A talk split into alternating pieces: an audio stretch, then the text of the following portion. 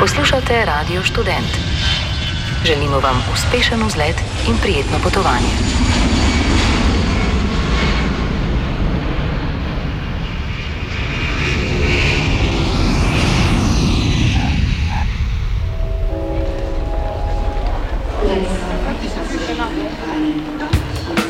Terminal. Vedno različni, nikoli isti, reš kolumnisti, isti, isti, isti, isti, isti, Ameriški zakon zoper podpornike terorizma, skratico JASTA, ki omogoča sorodnikom žrtev terorističnih napadov 11. septembra, da tožijo Saudsko Arabijo zaradi vloge njenih predstavnikov v terorističnih napadih, je odprl vrsto novih političnih front v ZDA in v svetu ter omajajo že tako krhka zavezništva na Bližnjem vzhodu. Za ameriškega predsednika Baracka Obama, ki je uveljavitev zakona neuspešno poskušal preprečiti z vetom, novi zakon predstavlja tudi velik osebni politični poraz. Pri tem je ameriški predsednik vse do zadnjega ustrajal, da je zakon nevaren tudi za ZDA, saj naj bi omogočil podobne recipročne postopke tudi proti ameriškim državljanom v drugih državah, posod tam, kjer bodo ZDA mogoče obtožiti za pletenost v nezakonito nasilje.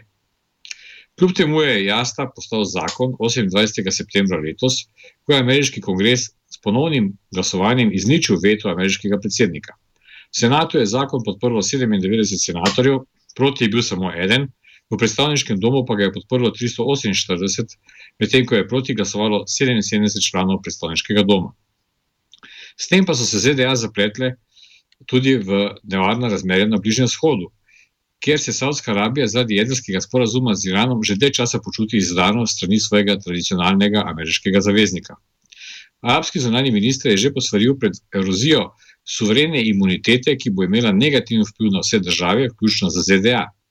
Tudi Anwar Gargaš, minister za zunanje zadeve Združenih arabskih eminatov, je ocenil, da je novi zakon nevaren presedan v mednarodnem pravu, ki spodkupuje načelo suverene imunitete in prihodnost investicij držav v ZDA.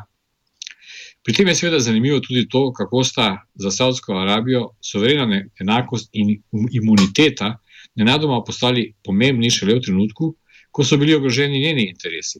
Saudska Arabija namreč suverene enakosti in imunitete drugih držav ni prav nič spoštovala v svojem financiranju terorističnih skupin v Siriji in Iraku, ter v svoji strani varnostnega sveta OZN neodobreni intervenciji v Jemnu.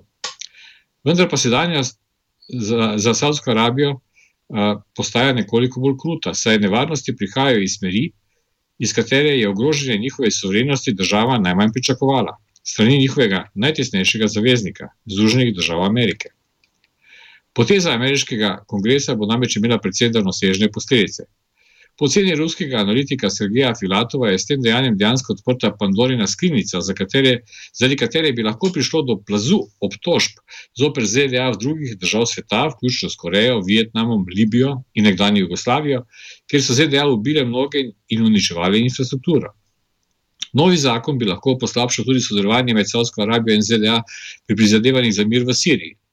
Ena od možnih posledic zakona bi lahko bila tudi zamrznitev lastnine Saudske Arabije ZDA kar se je naprimer že zgodilo z 210 milijardami dolarjev, ki so jih ZDA zamrznile Libiji in jih še niso predali novim oblastem, ter tega tudi ne nameravajo storiti v prihodnosti. Po drugi strani pa lahko prav strahovi pred takšnimi ukrepi sprožijo umik in prodajo okoli 750 milijard dolarjev vredne lastnine Saudske Arabije v ZDA, kar bi vplivalo tudi na stanje ameriškega gospodarstva. Ob tem Saudski Arabiji na novi zakon gledajo kot na dokaz, da je ameriškim politikom bolj pomembno to, da pridejo do neke milijard savskega denarja, kot pa do ohranjanja strateškega zavezništva na Bližnjem vzhodu. Velja pa tudi obratno. Saj mnogi v ZDA predsednika Baracka Obama obtožujejo, da se bolj briga za interese Saudske Arabije, kot pa za interese žrtev terorističnih napadov 11. septembra. To je še bolj nevarno zato, ker se v sami Saudski Arabiji mlad član Saudijske kraljeve družine nahaja prav v središču borbe za moč. Ko je bil namreč lani za novega kralja Saudske Arabije razglašen kralj Salman, je na mesto obravnega ministra ter glavnega gospodarskega planerja imenoval svojega sina, namestnika kronskega princa Mohameda bin Salmana. Komaj 30-letni princ pa je že od svojega imenovanja pokazal, da so mu blizu hitre in enostranske rešitve. Hkrati pa si želi postati celo pravi kronski princ in z tega mesta izpodriniti svoje konkurente. Odločitve mladega princa so tudi v kričečem nasprotju z dosedanjo politiko Saudske Arabije, ki je v desetletjih po drugi svetovni vojni zelo zadržano nastopala na svetovnem prizorišču. Tudi vodja nemške obveščevalne službe BND je že lani v nenavadno ostrem tonu medijev opozoril na nevarne aspiracije kralja Salmana in njegovega sina, ki si želite postati voditelja arabskega sveta. Nekdanjo prividno diplomatsko držo starejših voditeljev kraljeve družine je zamenjala impulzivna politika intervencije je na nepredvidljivost savdske kraljeve družine opozoril vodja nemških obveščevalcev. Nemška vlada se je enako nenavadno, zagotovo pa zaradi gospodarskih koristi države, na to celo distancirala od nekaterih opozoril vodje lastne tajne službe. Toda podobne ocene kot vodja nemške BND so podali tudi nekateri dobri poznavalci mednarodnih odnosov. Razširjeno je tudi prepričanje, da je princ Mohamed neizkušen hazarder, ki bo bolj verjetno podvojil vsoto, če bodo njegove stave padle. To je prav, pravo nasprotje od ravnanja nekdanjih savskih voditeljev, ki so zmeraj raje, če se tako izrazimo, stavili na vse konje, ocenjuje novinar Patrick Cockburn.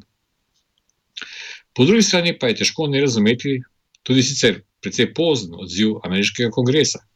Kar 15 od 19 teroristov, ki so bili odgovorni za napade 11. septembra 2001, je največ prišlo iz Saudske Arabije.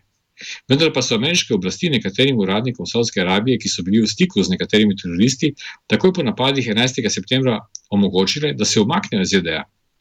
Na 28 straneh prikrivanega poročila Komisije za preiskavo terorističnih napadov ZDA naj bi bili ti stiki med teroristi in savskimi uradniki podrobno opisani, še posebej pa zaščitniško ravnanje države s člani družine Osame bin Ladna, ki so jih pripadniki ameriških tajnih služb odpeljali celo do letališča.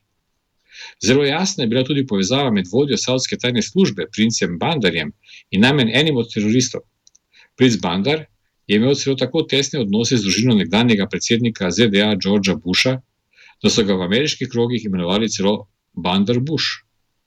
In lahko si seveda samo predstavljamo, kaj bi se zgodilo, če bi bilo 15 teroristov v napadih 11. septembra 2001 iz Iraka ali Sirije. Ne glede na to, pa so ZDA svoj napad na Irak na to povezale s terorizmom, čeprav je bilo posebno jasno, da so imeli stike s teroristi predstavniki Saudske države, ne pa predstavniki Iraka ali Sirije. Vse to kaže, da se ameriška zunanja politika še zmeraj ravna po navodilu ameriškega generala Georgea Pattona, ki je svoje vojake upozoril, da nobena baraba še nikoli ni zmagala v vojni tako, da bi umrla za svojo državo, pač pa tako, da je naredila, da so drugi ubogi bedaki umrli za svojo državo. S to razliko, da so se po napadih 11. septembra ZDA na podlagi lažnih razlogov zapletli v vojne brez zmagovalcev, v katerih so za svoje države posebno po nepotrebnem umirali ubogi bedaki in civilisti na vseh novih frontah, žrtve terorističnih napadov ZDA pa so ostale brez zadoščenja. Račun za to prihaja po skoraj dveh desetletjih zabude in bo temu primerno visok. In to ne samo za ZDA. Terminal je pripravil Igor Mekina.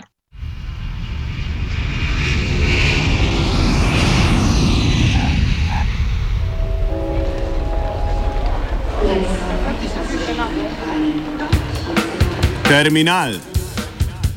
Vedno različni, nikoli isti, reš kolumnisti, isti, isti, isti, isti.